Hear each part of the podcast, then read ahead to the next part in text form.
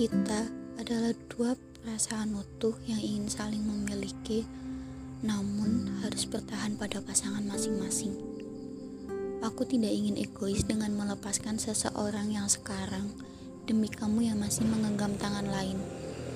Sedari awal, kita tahu tidak ada pembenaran untuk sebuah perselingkuhan.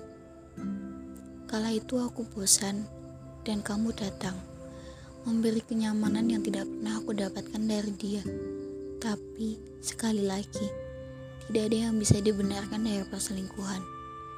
Biarkan saja kisah aku dan kamu perlahan terkikis oleh waktu. Aku tidak ingin menyesal dengan melepas sosok yang sudah lama menemaniku demi sosok baru. Biarkan saja, nanti pasti aku akan kembali terbiasa tanpa kehadiranmu.